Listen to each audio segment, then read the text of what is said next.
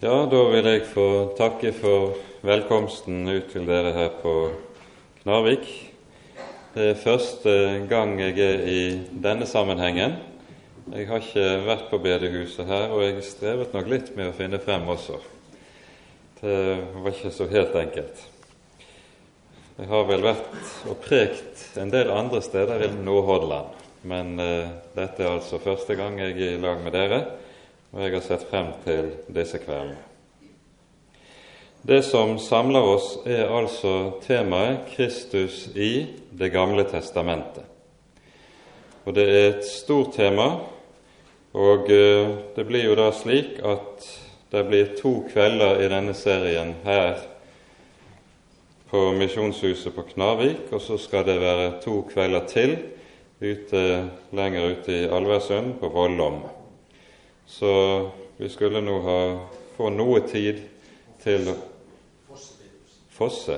Jeg har fått beskjed om det heter Vollom, jeg. Ja vel. ja ja, vi får stadig lære nytt. Jeg vil gjerne at vi skal fortsette å folde hendene sammen.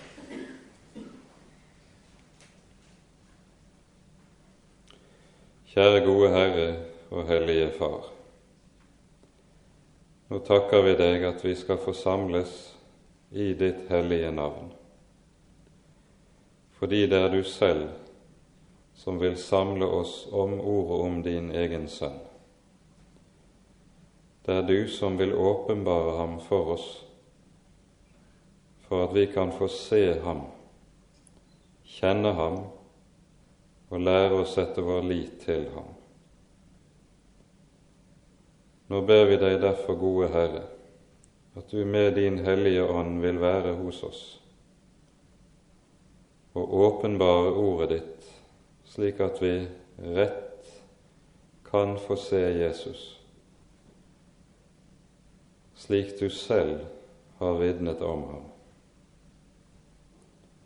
Det ber vi i din kjære Sønns navn og takker og lover deg, Herre, fordi du er god, og fordi din miskunnhet varer til evig tid. Amen.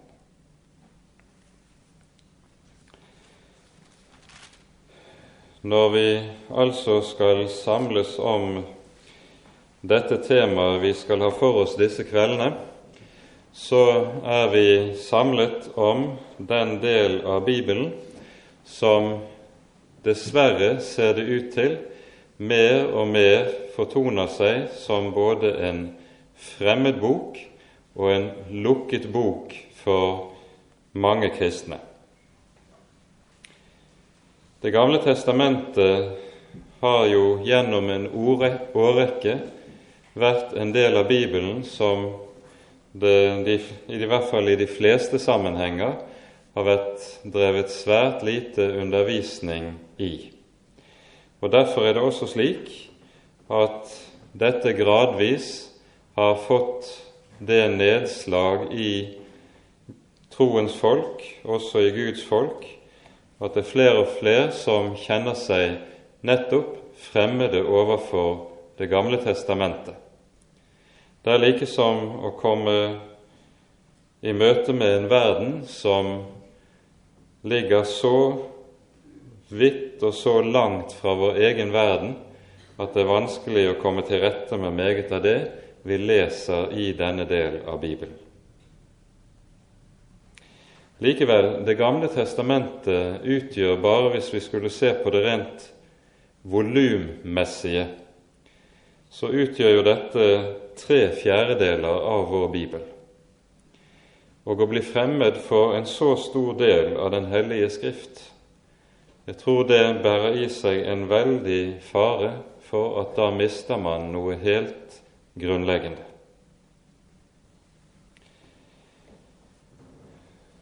Stiller man da spørsmålet hvilket forhold skal vi stå i til Det gamle testamentet? Da mener jeg at Det nye testamentet gir et meget klart svar på dette spørsmålet. Og vi kan allerede i utgangspunktet stille opp dette som en hovedtese. vi skal ikke ha noe annet forhold til Det gamle testamentet enn det Jesus og apostlene hadde. Slik de leste, slik de brukte, de, slik de så på Det gamle testamentet, slik er det også vi skal forholde oss til Det gamle testamentet. Og Da kan det høve at vi tar utgangspunkt i ett grunnleggende vers i apostlenes gjerninger, der apostelen Paulus taler om hvorledes han ser på Det gamle testamentet. Vi leser apostelgjerningene 24, vers 14. Det som her er situasjonen, er at Paulus nå sitter i arrest og dagen etter at han er kommet i arrest, så sender lederne i det jødiske folk anklagere, og så skal han forsvare sin sak. Og Det er nå i dette avsnittet vi hører Paulus' forsvarstale. Paulus sier slik i vers 14.: Det vedgår jeg for deg at etter den Guds vei som de kaller en sektlære, tjener jeg således mine fedres Gud, at jeg tror alt det som er skrevet i loven og profetene. Dette er et overmåte viktig vers.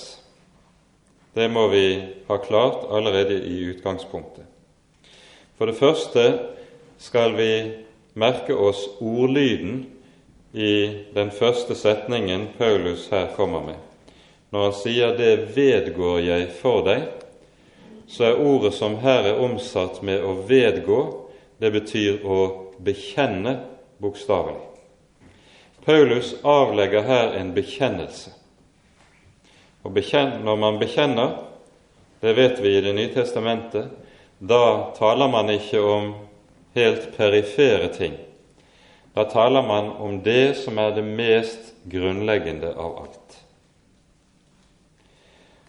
Nå hører vi at Paulus avlegger en bekjennelse i møte med det at han blir beskyldt for å fare med en sektlære.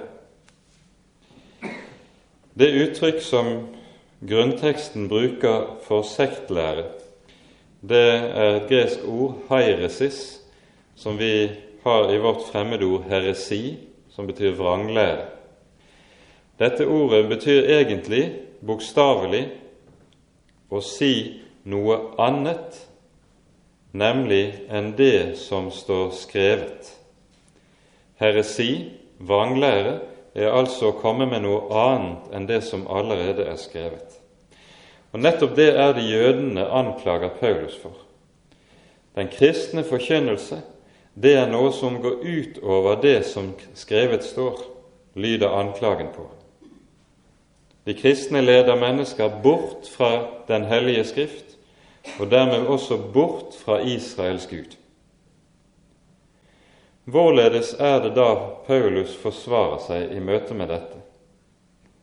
Han sier ikke bare 'jo, vi har Skriften i Det gamle testamentet som vårt grunnlag', men nå har vi noe i tillegg også. Nei, slik forsvarer han seg ikke. Det han i stedet gjør, det er at han sier:" Jeg tjener således mine fedres Gud, at jeg tror alt som står skrevet i loven og profetene. Punktum. Dette er Paulus sin bekjennelse. Og når Paulus her sier at han tjener Gud, så er jo vi vant til å bruke ordet 'tjene' om noe du gjør. Når du tjener, så gjør du det ene eller det annet for din Herre. Men her taler altså Paulus slik at han sier han tjener Herren slik at han tror. Det han dermed sier, er at det grunnleggende i den kristne tjeneste er å tro. Å tro hva? Å tro den hellige Skrift. Paulus sier dermed at han er ikke en som i sin forkynnelse går ut over Skriftene, men tvert om hele hans tjeneste består ikke i noe annet enn å tro og å forkynne dermed det som står skrevet. Det er Paulus' livsoppgave, og i tråd med dette er det han forkynner sitt evangelium. Vi kan her vise eksempelvis til innledningen av Romerbrevet, der Paulus skriver slik På ny bør vi legge nøye merke til hvordan han uttrykker seg. I de to første versene i Romerbrevet taler han på dette vis. Paulus, Jesu Kristi tjener, kalt til apostel, utkåret til å forkynne Guds evangelium, som han forut lovet ved sine profeter i hellige skrifter. Altså, det evangelium han forkynner, er noe som altså er gitt i de hellige skrifter på forhånd. Og det er jo noe vi er klar over. For de første kristne var det slik at de hadde utelukkende Det gamle testamentet som sin bibel. Det fantes ikke noe Nytestamentet i år 40 eller i år 50 etter Kristus. Fortsatt på den tid hadde de kun Det gamle testamentet. Det var Den hellige skrift. Der fant de den Herre Jesus. La oss da se litt nærmere på hvorledes Jesus så på Det gamle testamentet og lærte sine disipler når det gjelder denne saken. Og Da går vi til Lukas evangeliums 24. kapittel. Og Her har vi et helt grunnleggende avsnitt i Bibelen når det gjelder det vi skal tale om her i kveld.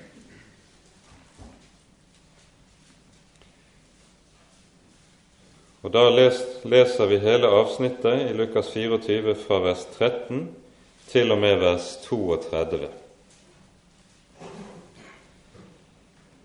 Se, to av dem gikk samme dag til en by som ligger 60 stadier fra Jerusalem, og som heter Emmaus. De talte med hverandre om alt dette som hadde hendt. Og det skjedde mens de talte sammen og spurte hverandre. Da kom Jesus selv nær til dem og vandret sammen med dem. Men deres øyne ble holdt igjen så de ikke kjente ham.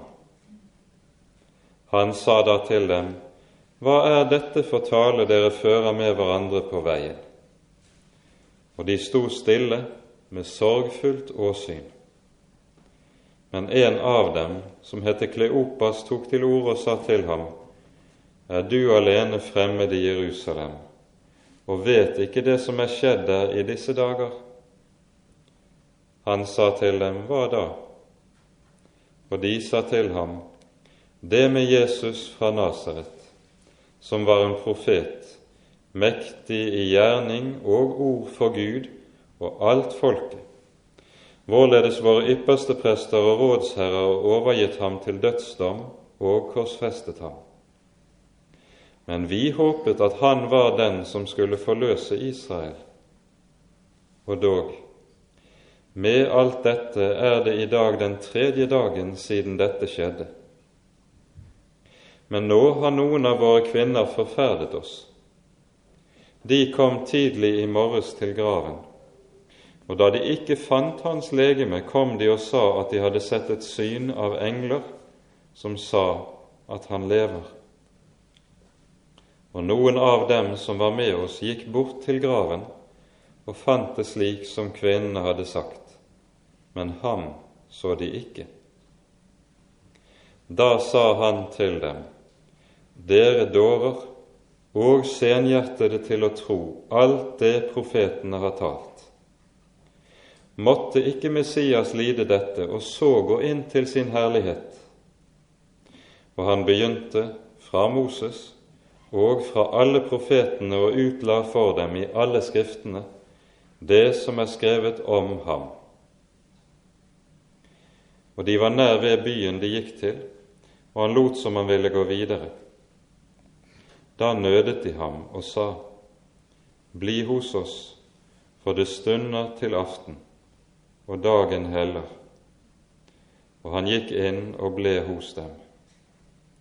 Og det skjedde da han satt til bords med dem, da tok han brødet og velsignet det, og brøt det og ga dem. Da ble deres øyne åpnet, og de kjente ham, og han ble usynlig for dem. Og de sa til hverandre, brente ikke vårt hjerte i oss da han talte til oss på veien og opplot Skriftene for oss.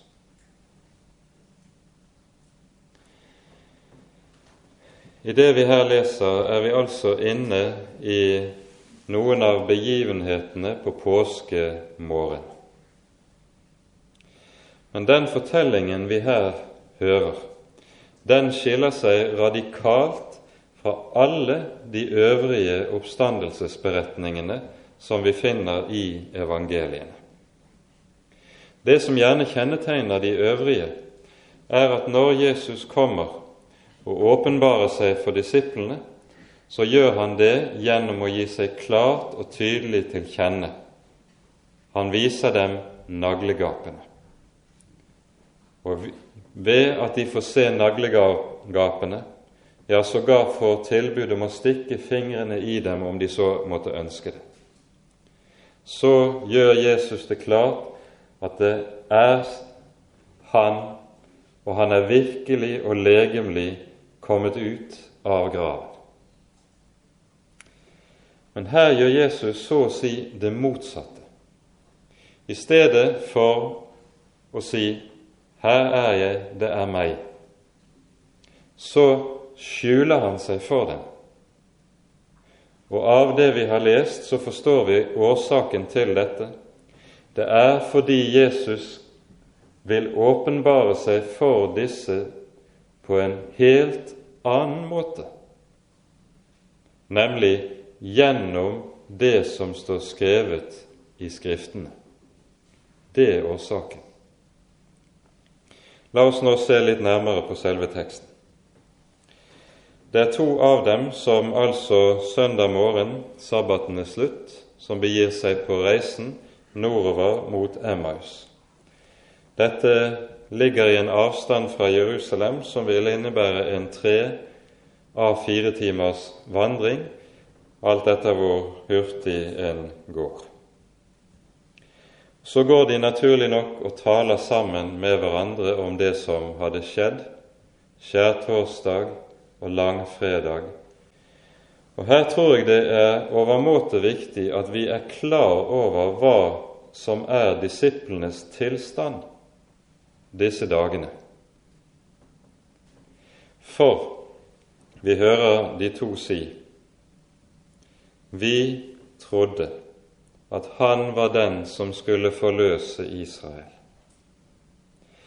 I denne ene setningen hører vi deres skuffelse, deres fortvilelse og deres forvirring. Det som jo var saken, var at alle Jesu disipler, idet de følger ham, så forlot de også alt det de hadde i sitt tidligere liv. En del av dem forlot eiendom og det de hadde av gård og grunn. Og hele deres fremtid, hele deres håp, var viet dette ene livet sammen med Jesus. Han var Messias. Det var deres tro. Det hadde de satset så å si liv og fremtid på. Og så korsfestes Jesus. Lider døden i denne forferdelige vanære som korset var. Og Det som da skjer med disiplene, det er ikke bare at de blir forvirret fordi de ikke forstår, men de får bokstavelig talt også grunnen revet bort under føttene sine. For av evangeliene ser vi tydelig at disiplene har delt det som var den samtidige jødiske oppfatning av Messias' gjerning og oppgave. Og Messias skulle slett ikke dø. Tvert om, når Messias kom etter jødisk forventning, skulle han gå frem fra seier til seier, og aldeles ikke lide en så ynkelig død som den korset innebar.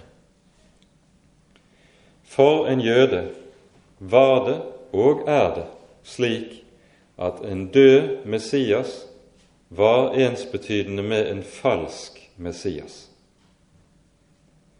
Og Det som dermed skjer med disiplene, er jo at de ikke bare mister Han de har stolt på og sett opp til og trodd på, men de mister så å si også hele sin fremtid og hele grunnlaget under livet sitt. Langfredag er den dagen alt raser sammen for disse Jesu nærmeste. Så det er ikke bare forvirring, det er den dypeste fortvilelse. De må tenke vi har bygget livet vårt på en forfalskning. Og likevel, de kan liksom ikke slippe det at Jesus var Guds sønn. At nettopp dette var tilfellet med den jødiske Messias-forventning, vet vi av noe som skjedde en ca. 100 år senere. I år 132 bryter det ut et opprør mot romerne i datidens Palestina. Og Dette opprøret er anført av en davidsetling som kalles for stjernesønnen Bar Korpa. Og han utropes nettopp av de samtidige jødiske ledere til å være Messias. Og I denne tro sluttet hele det jødiske folk opp i opprøret mot Rom. Endelig var Messias kommet. Endelig slår frihetens time. Til å begynne med lykkes også opprøret. Men tre år senere, når Rom har fått samlet kreftene og sendt sine legioner, så drukner også dette opprøret i blod. Og Bar Korpa henrettes på ynkelig vis. Og så må de jødiske lærde innse vi tok feil. Han var ikke Messias. En død Messias er en falsk Messias etter jødisk tankegang. Forvirringen til disiplene var ikke blitt mindre påskemorgen. For da er det de får høre ryktet fra kvinnene som har vært ute ved graven og sett englene og hørt budskapet om oppstandelsen. Alt er i et eneste virvar hos dem. Og så går de og taler sammen med hverandre på veien om hva mon dette skal bety. Da er det vi skal merke oss hvordan Jesus svarer dem. Det vi hører i vers 25, er grunnleggende. Da sa han til dem, dere dårer og senhjertede til å tro alt det profetene har talt. Det Jesus gjør, det er altså at han laster disiplene for deres forhold til Det gamle testamentet, fordi de ikke forstår Det gamle testamentet. Derfor forstår de heller ikke hemmeligheten med hans lidelse, hans død og oppstandelse. Jesus kommer her med en bebreidelse, og den er ganske klart bestemt. Fordi dere ikke forstår Det gamle testamentet. Derfor forstår dere heller ikke mitt kors. Jesus kunne jo svart noe ganske annet. Han kunne sagt Husker dere ikke hvor mange ganger jeg talte om og underviste om at jeg skulle lide og skulle dø? Det gjør han ikke. Han kunne kommet med andre slags forklaringer eller vis dem naglegapene, som han gjorde i øvrig. Men altså, han laster dem for deres forhold til Det gamle testamentet. Fordi det var galt, derfor skjønner de heller ikke hemmeligheten. Og så fortsetter han. Måtte ikke Messias lide dette, og så gå inn til sin herlighet. Det ord som står i grunnteksten her, måtte han ikke. Det betyr bokstavelig det var nødvendig i Jerusalem at han måtte lide dette før han gikk inn i sin herlighet. Og vi kunne spørre hvorfor var det nødvendig? Jo, fordi det står skrevet. Derfor måtte han gjøre det. Saken er nemlig den at hele Jesu liv og virke, hele hans gjerning og all hans undervisning dreier seg om én en eneste sak å oppfylle Skriftene. La oss her kort minne om Jesu ord i bergprekenen Matteus 5, 17, der han sier slik:" Dere må ikke tro at jeg er kommet for å oppheve loven eller profetene. Nei, jeg er ikke kommet for å oppheve, men for å oppfylle. For å oppfylle loven og profetene. Og Når det står 'for å', så er jo det en setning som beskriver hva som er hensikten. Og poenget er hele hensikten med Jesu komme består i dette å oppfylle det som står skrevet. Hele hans liv, all hans gjerning og hele hans lære handlet utelukkende om dette å oppfylle det som står skrevet. Dette innebærer at det finnes ikke noe i Jesu liv og Jesu lære som kan sees uavhengig av Det gamle testamentet, eller kommer som noe som likesom er i tillegg til Det gamle testamentet. Det er gitt der. Jesus er den som blott oppfyller. Og så hører vi i fortsettelsen. Han begynte fra Moses fra alle profetene og utla for dem i alle skriftene det som er skrevet om ham. Og så blir vandringen til Emmaus en vandring gjennom Skriftene, veiledet av Jesus. At han begynner med Moses, betyr at han begynner med første Mosebok, første kapittel, første vers. Og så går gjennom Skriftene fra begynnelsen inn til enden. Og så begynner disse to å se. Klarere og klarere ser de hva? De naglegapene som Jesus ikke hadde vist dem før, de begynner de nå å se. Og så lyder det:" Brente ikke våre hjerter i oss da Han talte med oss på veien, og åpnet Skriftene for oss. De begynte å se Jesus i Skriften. De begynte å se kors, død og oppstandelse i Skriften. Og så, gjennom å se ham i Skriftene, tennes troen og troens brann. Her finner vi det som er den rette nøkkel i alt som har med slikt å gjøre.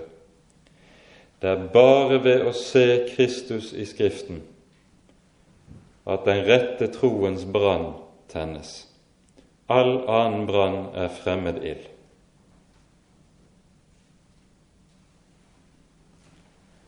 Når de nå har fått lov til å se, se inn, så kan de ikke bli værende der i Emmaus og bryter umiddelbart opp for å vende tilbake til Jerusalem og fortelle hva de har fått oppleve.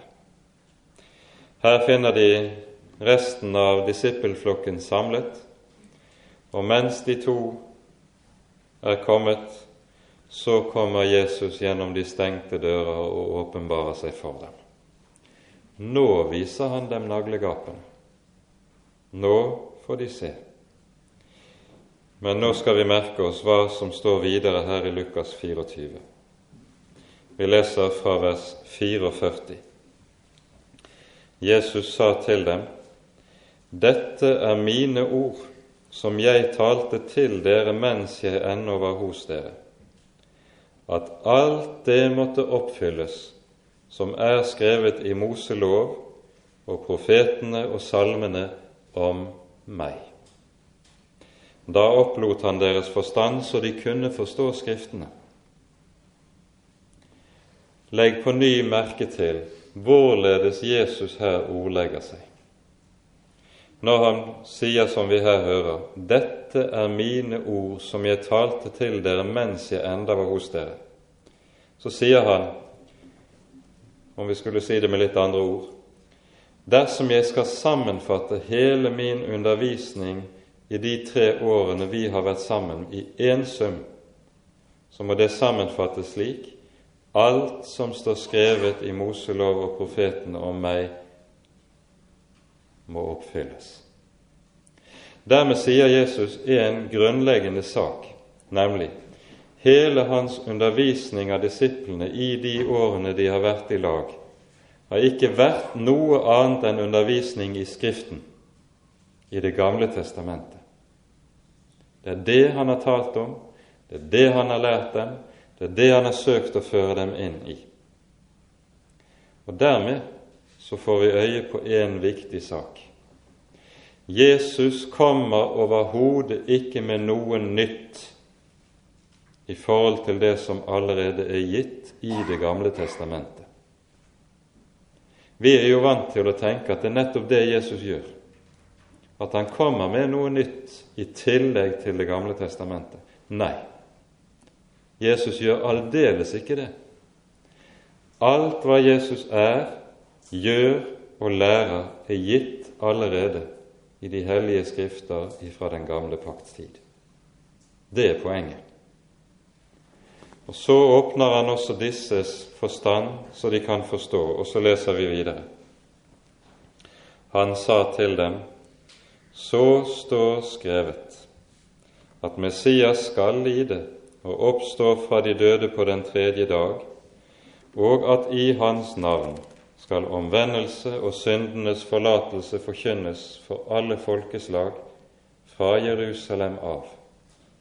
Dere er vitner om dette.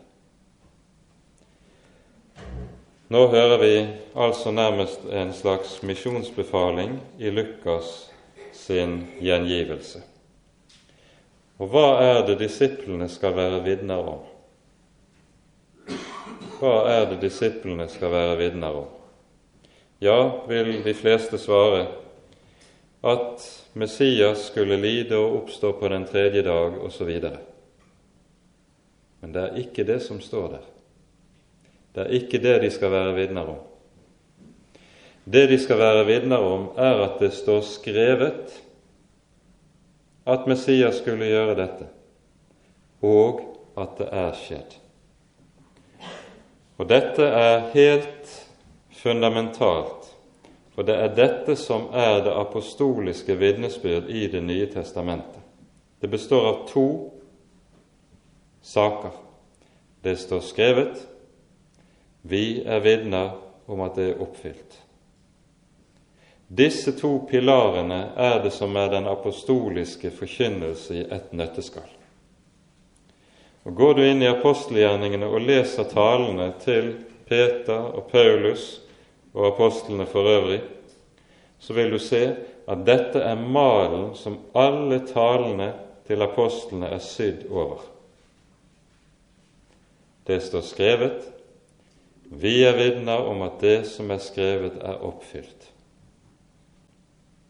Det er saken. Dette er det som syr sammen hele vitnesbyrdet hos apostlene, og dette er det som også gir apostlenes vitnesbyrd den kraft som det har. For et Jesus-vitnesbyrd som er uten Skriftene, det blir på mange måter også tomt og kraftløst. Slik er det altså at Jesus ser på denne sak. Og dette er bakgrunnen for de hyppige sitater du finner i Det nye testamentet. Tenk bare på hvor ofte du møter setningen 'Det står skrevet i Det nye testamentet'. Vi hopper over den setningen så lett som om det bare skulle stå et kolon der. Mens det er den setningen som i seg selv kanskje er viktigst av alt. For dermed, nettopp ved å tale slik, det står skrevet, så bevitner apostlene på ny og på ny hva deres vitnesbyrd er. Det er et vitnesbyrd om Den hellige Skrift, som Gud selv har sørget for blitt oppfylt til punkt og til prikke. Det som er vitnesbyrdet i Det nye testamentet i én kjerne og i én sum, det er det som Herren sier til profeten Jeremia når han blir kalt. Jeg vil våke over mitt ord for å fullbyrde det. Det er det han har gjort. Det er det Det nye testamentet er. Det nye testamentet er et vitnesbyrd om at den levende og den treenige Gud har oppfylt alt han har lovet. Poenget er altså Det nye testamentet kommer ikke med noe nytt i forhold til det gamle. Hva er da forholdet mellom det gamle og Det nye testamentet? Det er forholdet mellom løfte og oppfyllelse. I den gamle pakts tid lover Gud frelsen som skal komme, og forbereder den på historisk måte gjennom førelsen av det jødiske folk. I Det nye testamentet får vi den historiske beretning om hvorledes Gud har oppfylt det han har forutsagt og lovet samtidig med at vi også får forklaringen, så å si Guds forklaring, på hva dette innebærer og betyr. Det er innholdet i hele Det nye testamentet. Vi peker på et par andre grunnord i Det nye testamentet som gjelder denne sak. Vi hopper først til Johannesevangeliet kapittel 5.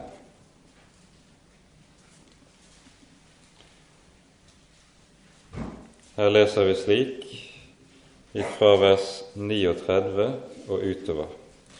Jesus er her inne i en av de mange stridssamtaler som vi finner i Johannesevangeliet med de jødiske folk og de jødiske folks ledere. Så hører vi fra vers 39 Jesus si:" Dere ransaker Skriftene fordi dere tenker at i dem har dere evig liv og det er de som vitner om meg.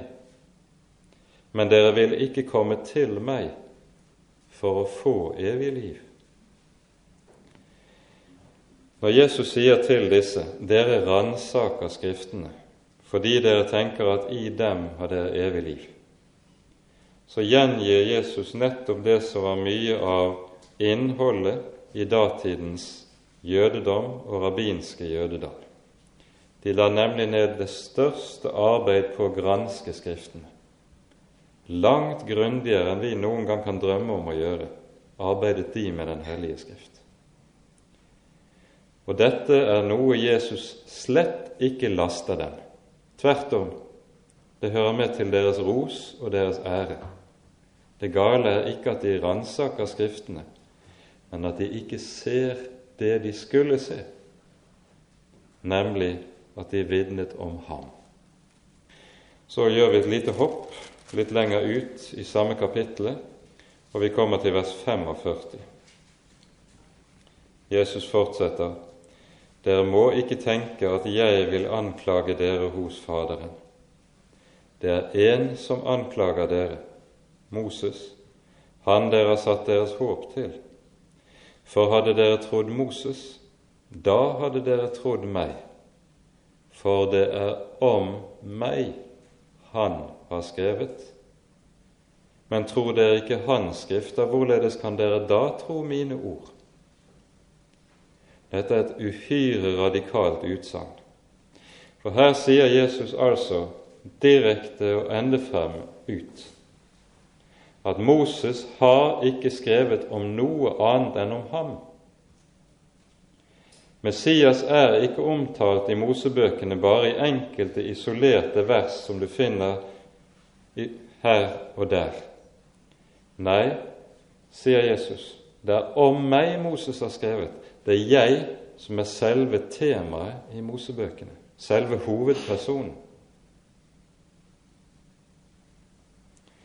Hva Jesus mener med å si slikt, skal vi komme tilbake til i den neste timen i kveld. Men skal vi sammenfatte det som vi har tatt for oss nå i denne timen, så tror jeg ikke det kan gjøres bedre enn ved hjelp av noen ord i Josvas boks 21. kapittel.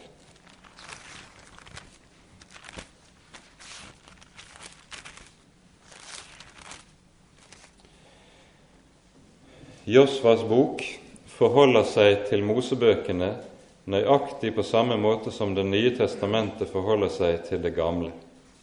Josvas bok gir oss beretningen om hvorledes Gud oppfyller løftet til Israel i samband med utgangen av Egypt.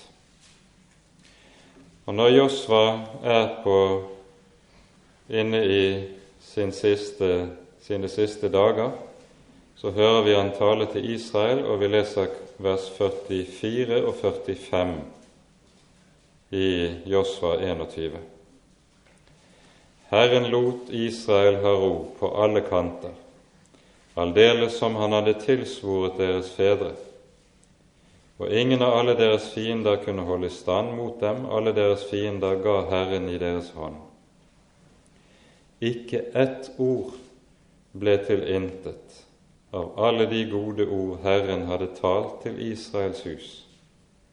Det ble oppfylt alt sammen. Og nettopp dette vi hører her i vers 45, det er også Det nye testamentet i ett nøtteskall. Ikke ett ord ble til intet av alle de gode ord Herren hadde talt til Israels hus. Det er det som er Det nye testamentets vitnesbyrd. Den levende Gud er en Gud som står inne for sitt ord, som våker over sitt ord, og som oppfyller det i sin tid. Amen.